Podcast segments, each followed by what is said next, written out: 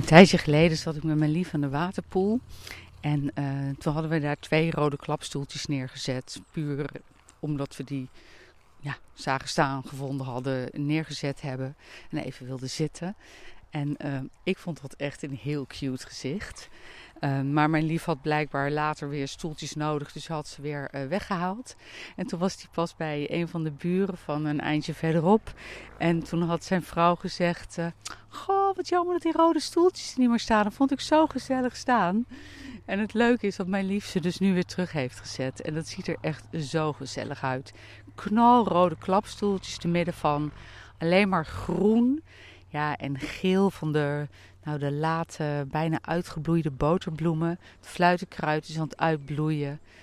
Um, ja, er is heel veel bloeiend gras. Prachtig. En dan die uh, rode stoeltjes. Oh. ik kijk verderop. Ik denk, wat zie ik daar nou bewegen? Maar er zitten bruin, die zitten poepen in het hoge gras. Lekker. Dus uh, als je door het hoge gras heen struint, even een beetje oppassen waar je loopt.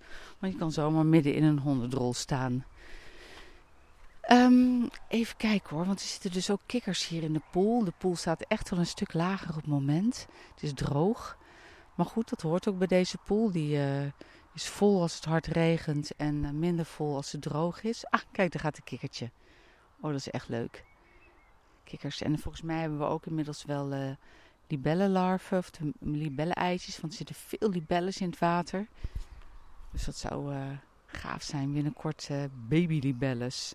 Nee, de, de larves komen eerst uit. Maar dat is wel um, rijkdom eigenlijk. Dat is het, rijkdom.